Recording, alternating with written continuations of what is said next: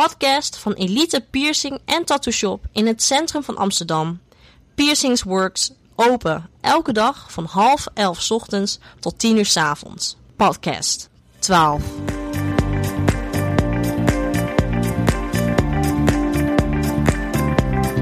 Microhaarpigmentatie.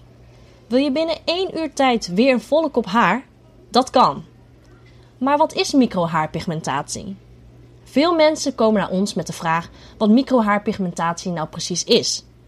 Op een makkelijke en korte manier uitgelegd is dit een speciale manier van tatoeëren op het hoofd om zo het effect van haar te creëren. Het betreft geen operatieve ingrepen, maar wordt met een kleine tattoonaald gezet. Deze manier van tatoeëren is zeker effectief, omdat de eerste behandeling al een groot verschil kan maken. Je hebt namelijk na een behandeling van 1 uur al een frisse en jongere uitstraling. Tatoeëren is immers permanent en het effect hiervan gaat niet meer weg. Dit is dus een goede oplossing voor mannen die minder haar hebben op bepaalde plekken op het hoofd of al kaal zijn. Het micropigmenteren ziet er erg realistisch uit en geeft geen onecht beeld weer.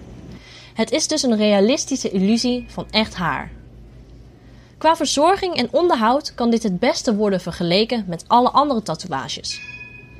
Ook qua prijs zal de microhaarpigmentatie verschillen. Mocht je het hele hoofd willen behandelen, dan zal dit prijziger zijn dan een klein deel van het hoofd.